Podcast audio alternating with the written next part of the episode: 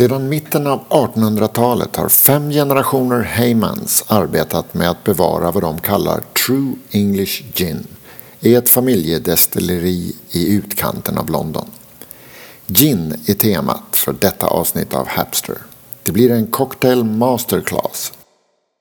Daryl Bear är vår värd för kvällen. Han jobbar på Heymans sedan många år tillbaka och här beskriver han vad vi ska få göra härnäst. Do a little bit of health and safety. We'll do a couple of gin and tonics. Okay. Um, and then um, talk to you a little bit about the Haymans, a little bit of gin history. Then we'll uh, move down to our lab, talk through some botanicals, get a real feel for them. Move over to this tasting table. Uh, we'll try a core range of gin. Do that in about 40 minutes, and then we're going to head upstairs and make drinks for about an hour and 15. Okay. It's about it's, it's about two hour session. Two hours, okay. Um, from experience, it always runs over. Um, but again, I've got no other plans tonight. As long as you don't have to go anywhere, we can spend a little bit longer. Okay. Okay. But grab grab a seat in the All right. meantime. Excellent. and we'll, uh, Thank you.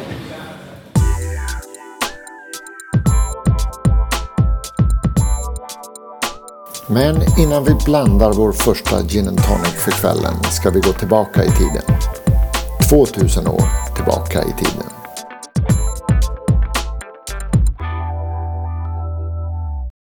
År 70 publicerade läkaren Pedanius Dioscorides ett uppslagsverk i fem volymer om växtbaserade läkemedel. Där finns bland annat detaljerade beskrivningar av vinindränkta enbär som läkemedel mot bröstsmärtor.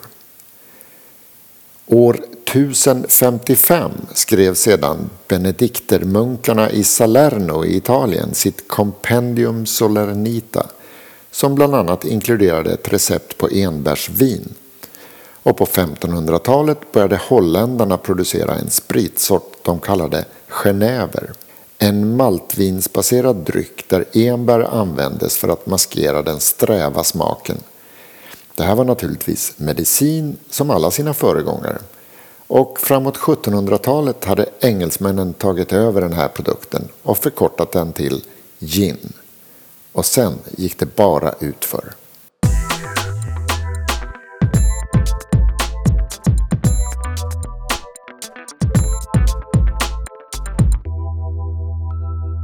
Simon Ford, ginmakare och författare och ibland omskriven som The Jedi Master of Gin, skriver så här.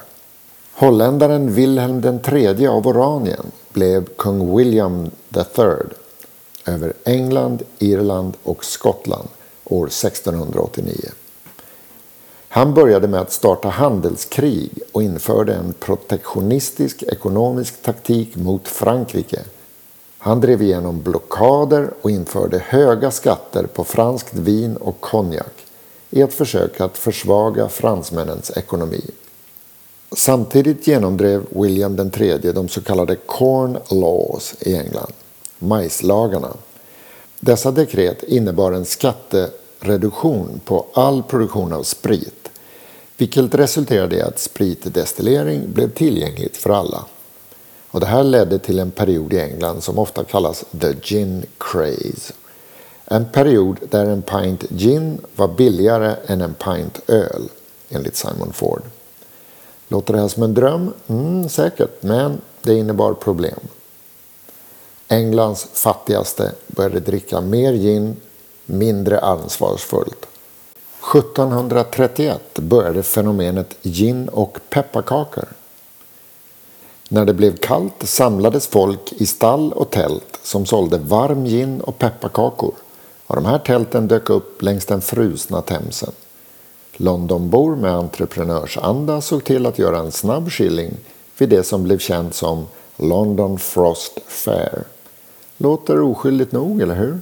Men ganska snart började regeringen inse att de hade ett samhällsproblem på halsen.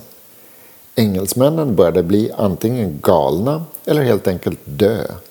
Gindestillering var öppet för alla och ingredienser som terpentin, svavelsyra och sågspån gick in i dekokten.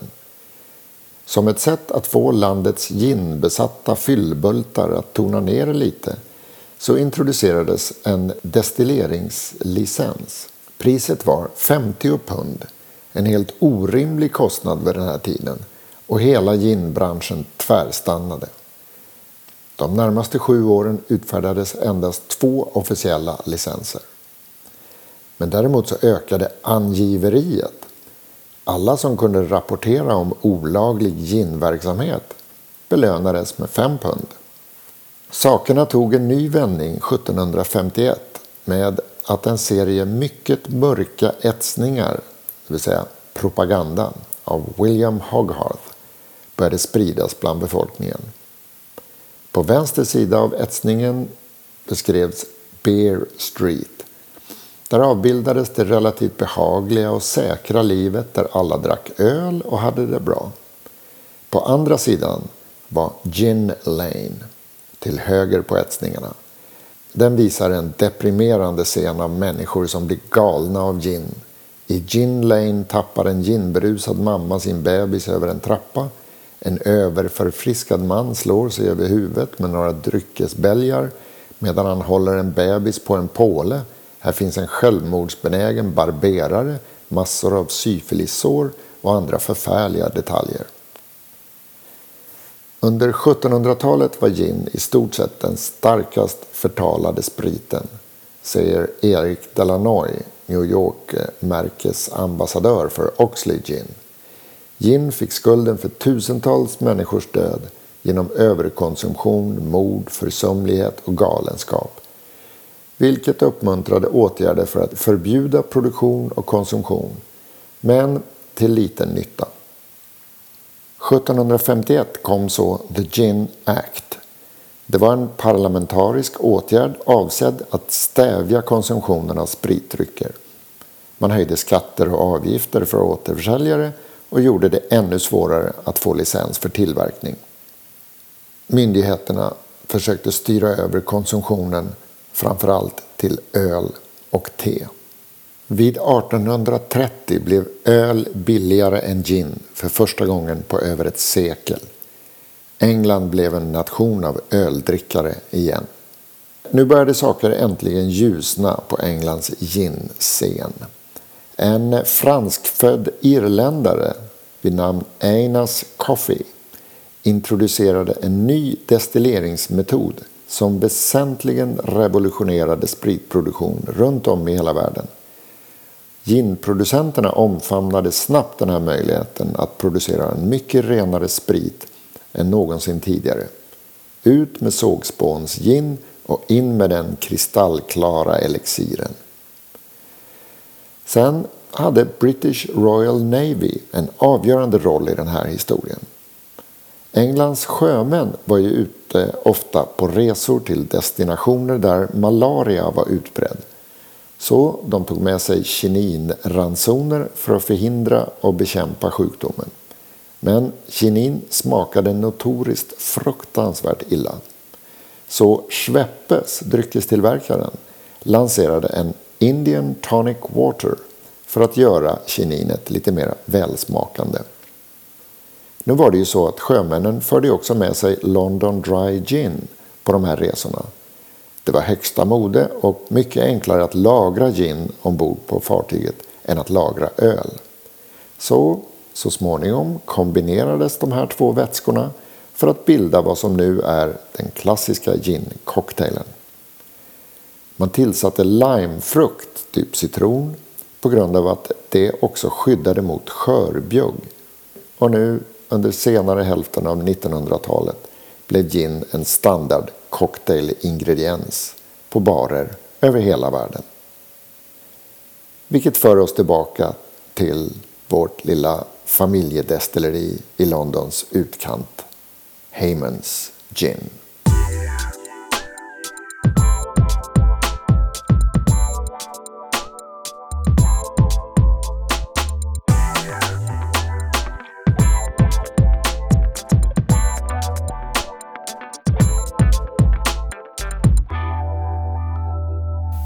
Dricker ni ren gin?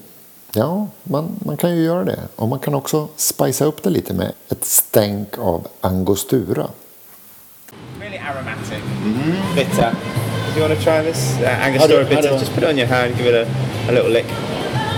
So, angostura was added to, to your gin Um, That's like Underberg or yeah, similar, similar, Yeah. similar. Um, good for the stomach kind of thing. It, that's how it was invented, actually. Yeah. Uh, but it's basically a really heavily infused spirit. Um, so yeah, the sailors would add, as part of their ration, Angostura or bitters to their gin. And depending on the hierarchy, obviously the commanders or the naval officers, their drink would be pinker because they were allowed more Angostura. So it was a nice little story. The pinker your drink, the more important you were. Ah. Um, so that's a nice little story behind that. Um, but it's a really nice drink. I love gin and that. Just fantastic. Really good. Um, Just gin and, and Angostura? No yeah. tonic? No, no tonic. No tonic. Um, I think they might have put a little bit of soda with it, but just that and gin. Less is more. Ja, det finns ju mycket tankar om eh, hur man kan blanda olika drycker och vad som är rätt och vad som är fel. Och... Daryl förklarar sin syn på saken. I think part of what we're going to touch on today is that, um, well, I have this amazing, I have this ethos, and we have this ethos that we should be drinking things the way we like them to be drunk. Yeah. Obviously, there's a lot of marketing that goes into tonic water and gins. Um, who's to say that that you like a certain drink in a certain way? No one else can tell you that. If you like your gin with X, Y, and Z tonic, drink it that way. Um, so I have a personal preference. You have a personal preference. We all enjoy things differently, and it doesn't matter on brands. As long as it tastes good and we enjoy it, go for it. I think that's the, probably the best ethos to have. Um, again, there's a lot of marketing that goes into both cocktails, beers, wines, gins, tonics. Gins are amazing, and tonics big industry, um, but again, it's up to us to pick the ones that we like. We can only suggest. Again, we're working in an industry of gin. I can only suggest certain brands Yeah. or what I like from my personal preference. Uh, there is no definitive answer with taste. It's like art. Yeah. Art is subjective, so is taste.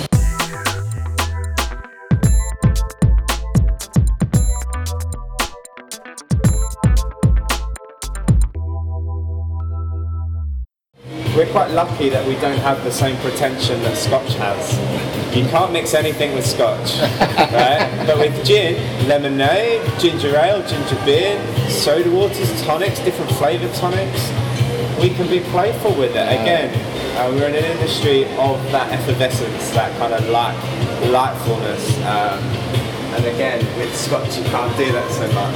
Uh, but just I, re- I remember Beatles mixed whiskey with uh, Coca-Cola.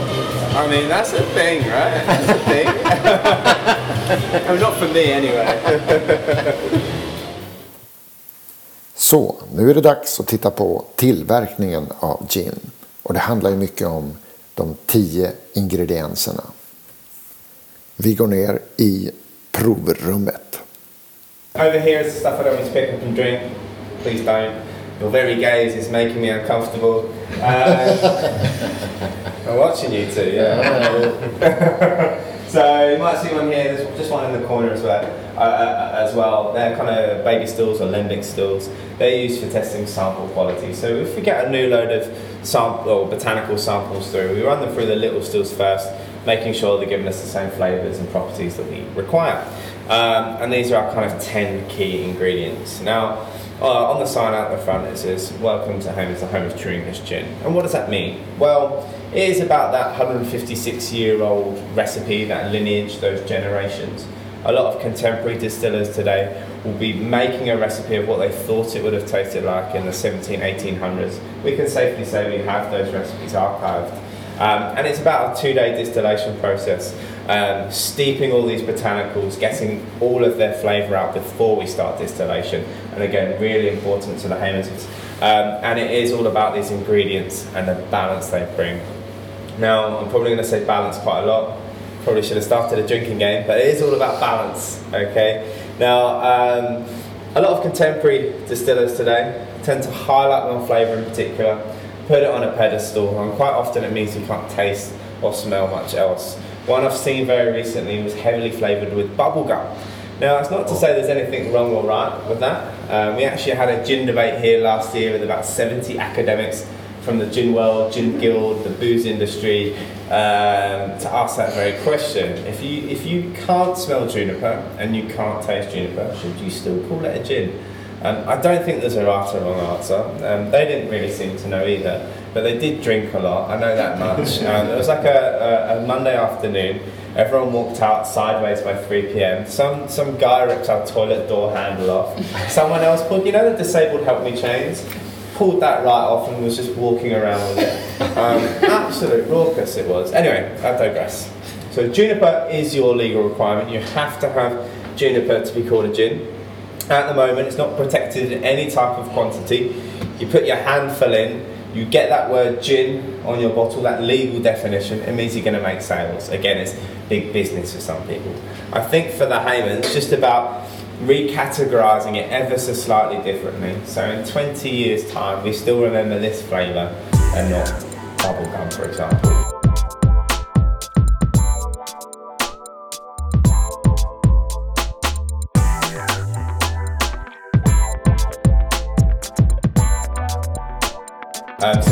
So guys, a got a couple of pots over here.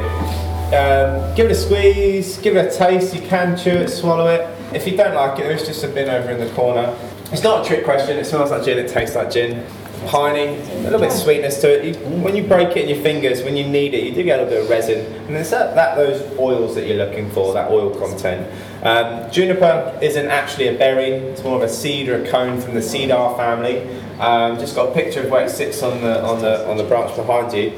Now, juniper grows all over the world, uh, different forms, shapes, varieties. Some are in fact poisonous. Just waiting for you to start spitting them out. um, now, I'm just going to use a little wine analogy just to explain this a little bit better. If you're to pick a grape or a vine up from one country, uproot it and grow it in another country, you're going to get different flavours from it. It's all about the land, the climate. They call it the terroir. And the same is applicable for all of these ingredients. If you get them in different parts of the world, they're going to taste differently.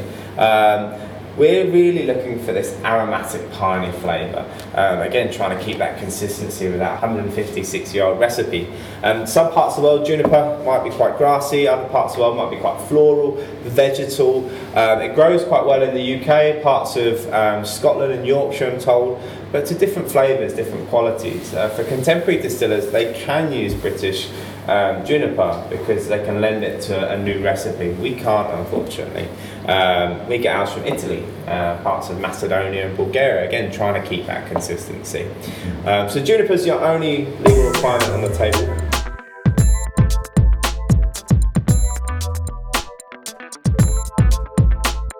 Our next botanical is coriander seed. So quite unlike the leaf, it's only since doing this I've realised that not everyone enjoys coriander leaf. Mm. And some people taste soap in it. Is anyone here? You? Yeah. yeah. well, I do encourage you to try this. No, uh, coriander seed is very different. It's very citrusy, very fragrant, a little bit peppery. On the ja, så vad är det för ingredienser då i Haymans klassiska gin? Jo, det är enbär från Italien och Makedonien som eh, vi hörde. Koriander från Bulgarien. Angelikarot från Belgien. Citronskal från Egypten. Apelsinskal från eh, Spanien. Kanel från Madagaskar. Och den billigare varianten kassiabark från Indonesien. Irisrot från Marocko. Lakrits från Uzbekistan. Och muskot från Indonesien. Det är en ganska internationell blandning, eller hur?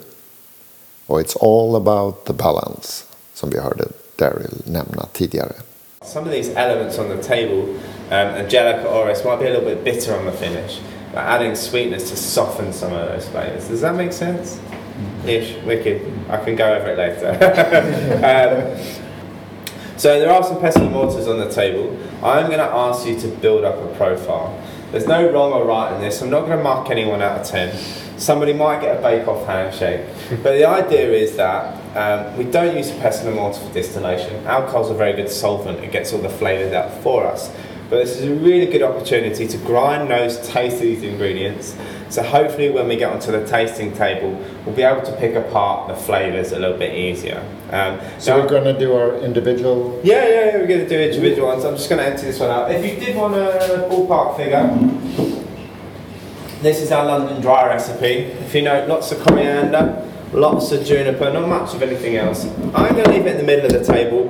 Um, if you want to nose it comparatively, um, you also probably smell more like gin. Just think that this hasn't been ground up, it hasn't released all those oils, all those flavours. Um, it actually smells a little bit like dusty Christmas cake, um, but I'll let you guys make your own opinions. Um, so jump in guys, grab your juniper, your coriander, start with your base, give them a grind, give them a nose. I'm just going to empty this one out for you guys. Ja, så sätter vi igång och tillverkar vår egen kryddblandning här. The more mess the better. Vilken var den andra stora? Angelica?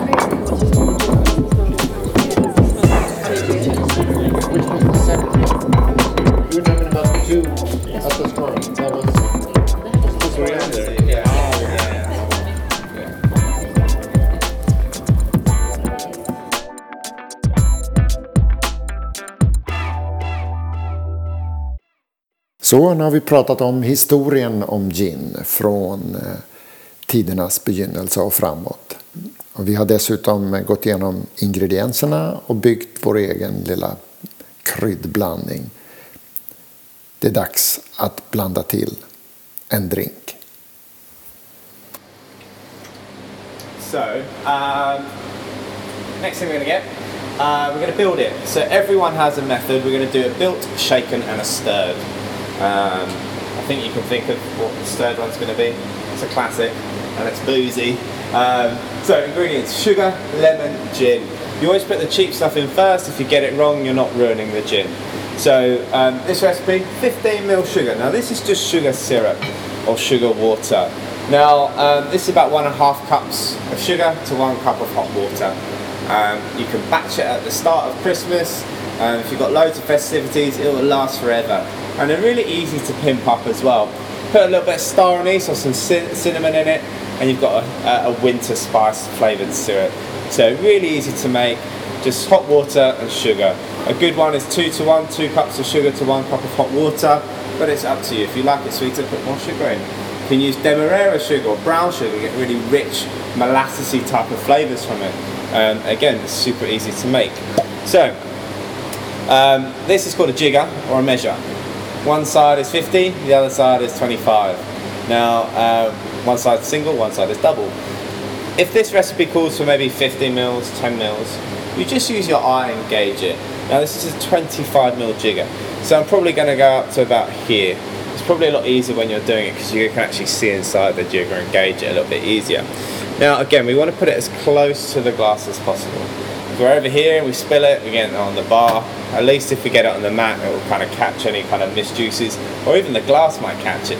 This is 101 here. I just remember training people in bars. I, I was an absolute arse of a boss. Uh, I was the worst guy. Anyway, um, so this is lemon. So 25 mil. So a classic rule of cocktails is two, one, half.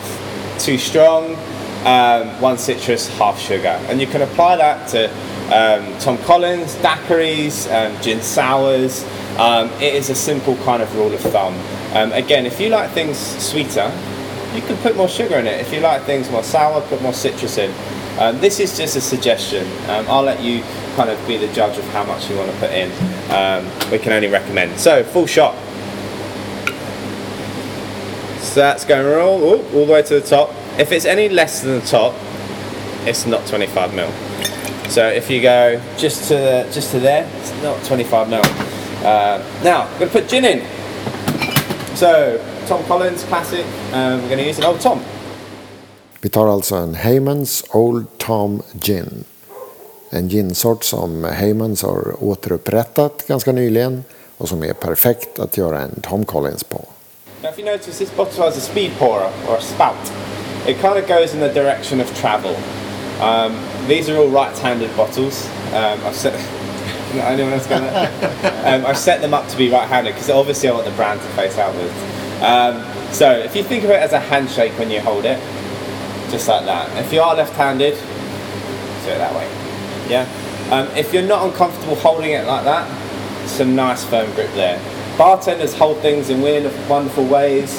They're not safe. Again, if you imagine if your hands are wet all the time, Um, I've seen bottles fly over bars. I've seen them hit guests. Just keep it safe. A nice firm grip. Um, so we're going to do a large measure in here, all the way to the top. Now keep your jigger as straight as possible. Now I'm just going to top this up and throw it in.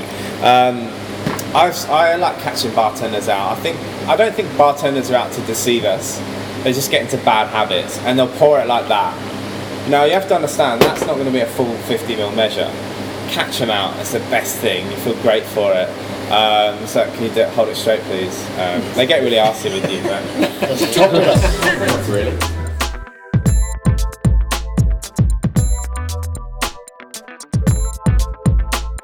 So now, I'm going to stack it with ice and top with soda. This is the only thing to go into the ice well. Um, um, some people use tins, these Boston tins, but these are nice ones. I don't want to dent them, so just use the ice scoop to go into the ice well. Now, loads of ice.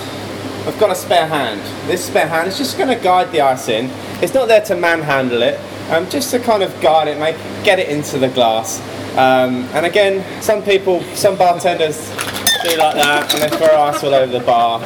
Don't worry about people. I have to give you a job next. Um, so, again, hand here, just guide it in, not manhandling, just making sure it gets in the glass. It's giving you anxiety, wasn't it? On the edge. So, um, now we've got our ice in, we're going to top with soda. Um, I have some lovely Fever Tree soda here. Um, now when I fill it, I want to fill it to maybe a thumb's width from the top. I have massive thumbs. We're allowing for dilution and for garnish. If we fill it right to the top, we're still going to give it a little stir, make sure it's um, kind of all together. I've not found a decent name for this yet. Um, a colleague of mine calls it a clawing, but I think that sounds horrible. Anytime you put you put citrus or metal in a carbonated drink, you're going to lose bubbles. Okay, science. Um, so we want to get as minimal contact as possible. So I want to get it down and drag and twist up. If you stir it really viciously, you're going to lose those bubbles.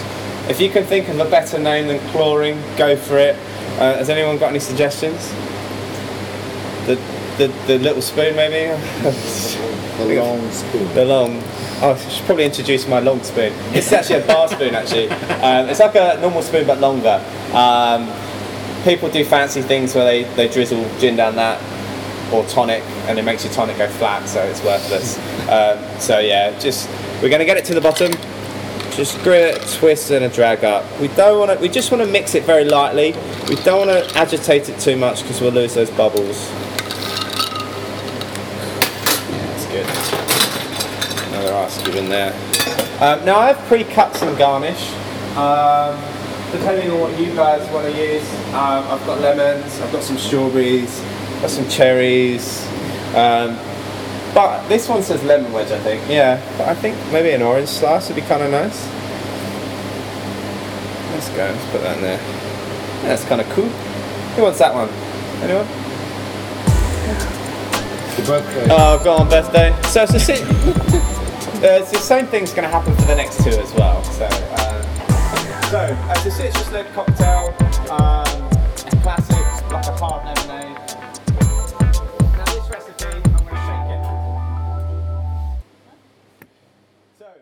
Ja, att tillverka en cocktail det kräver ju både ingredienser och tillbehör. Och här står vi i en eh, professionellt utrustad bar med, med allt man behöver för att göra sig en Tom Collins i det här fallet.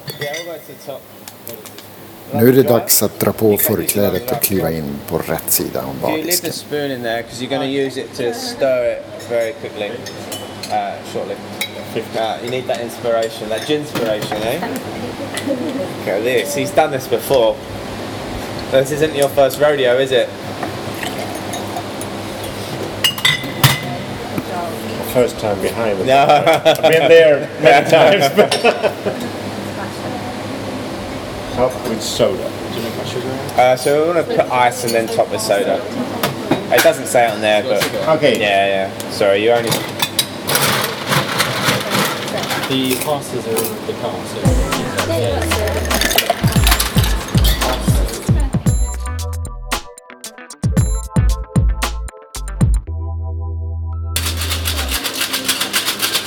jag. Jag tyckte den var jättegod. Absolut. Det var ju en eh, förstklassig. Ja, verkligen. Det smakar eh, Valentino 1981. Cocktails and dreams. the precious, right? Sorry, back, back, back. Maybe it's because of the company or the environment. It tastes wonderful. Does it? It's good. How about yours? I really like the one that I made, yeah. I think we made the same. I think we made it in strawberry. Yeah. Yeah, yeah. I ad-libbed and squeezed my garnish into my drink. But it tastes good. Well, since I made this myself, I think it's excellent. It's the best. Excellent. A bit biased, but we'll let you have it. We'll let you have it.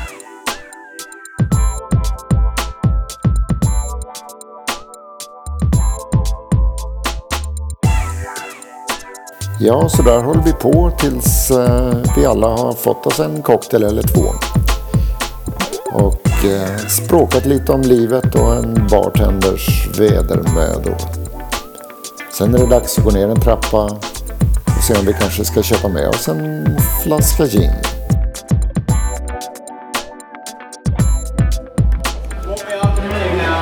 I'm just going to ask you guys um, if you could just move down to the lounge. We're just going to finish up down in the lounge.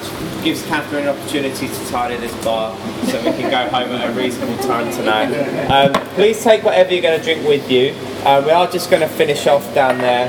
Um, and obviously leave your aprons up here. We're going to kind of um, tidy this. So if you'd like to make your way down to the lounge, grab a seat. You have to fold it. Is that irons? What? they come back iron. Can we keep these? You know, they're expensive now. Really? Yeah, about 80 pounds.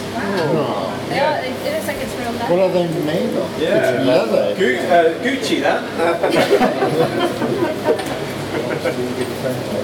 You should actually sell it. Uh, we, we've sold a couple before, but they're just, you don't make any money on them. on So you'd have to charge got an my X amount more. I just put it there. Ja, så vi spanar lite och ser om det är någon flaska gin som vi ska köpa med oss. yeah, yeah. But it's not like you go and like just have that, you know, casually. 20. We only have Oh, it's a hundred. It's Yeah. yeah, it's too big. it's just 10. So It's ton too much. So what are these two? Gently rested and royal duck? Dock? Fancy. Doc, Dock. I think I'm gonna get this. how much gin have you had? No, just I'm only joking. So you like the I'm get sloe? the sloe. Yeah, the Yeah. sloe gin's really nice. Really? Yeah. I liked it. okay.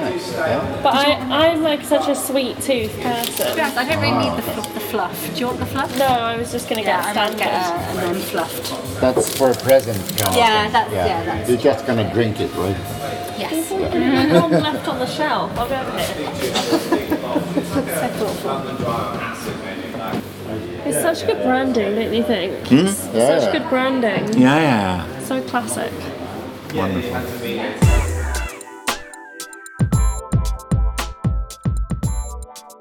Ja, det var Cocktail Masterclass på Heymans destilleri i utkanten av London. På väg hem senare på kvällen så hamnade vi på Wigmore, en eh, British Tavern, en lite finare pub, som eh, ligger på 15 Langham Place, ett stenkast från Oxford Circus. I baren där jobbar Jordan Sweeney. Det visade sig att han har arbetat på och med Heymans och även tagit fram Heymans Hopped Gin med vilken han 2018 vann Heymans True Taste Competition. Hopped Gin skapade han genom att addera färsk grapefrukt samt två gamla humlesorter, Fuggle och Golding, till Heymans tio traditionella kryddor. Hopped Gin tillverkas bara i en väldigt begränsad upplaga av 1200 flaskor. När Jordan hörde att vi var specialintresserade av gin så kom han ut till vårt bord med en flaska och tre glas och serverade oss en Hopped Gin med en splash av rosa grapefrukt. En perfekt avslutning på kvällen. Och även en avslutning på den här episoden av Hapster från London. Tack och hej!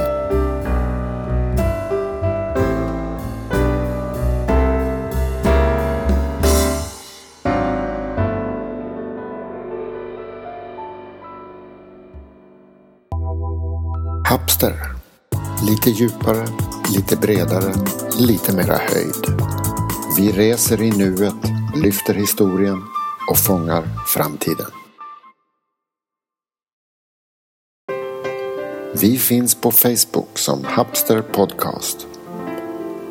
Länkar och extra material hittar du alltid på hapster.se på webben. Och våra poddar finns på iTunes respektive Soundcloud. Tack för att du följer oss.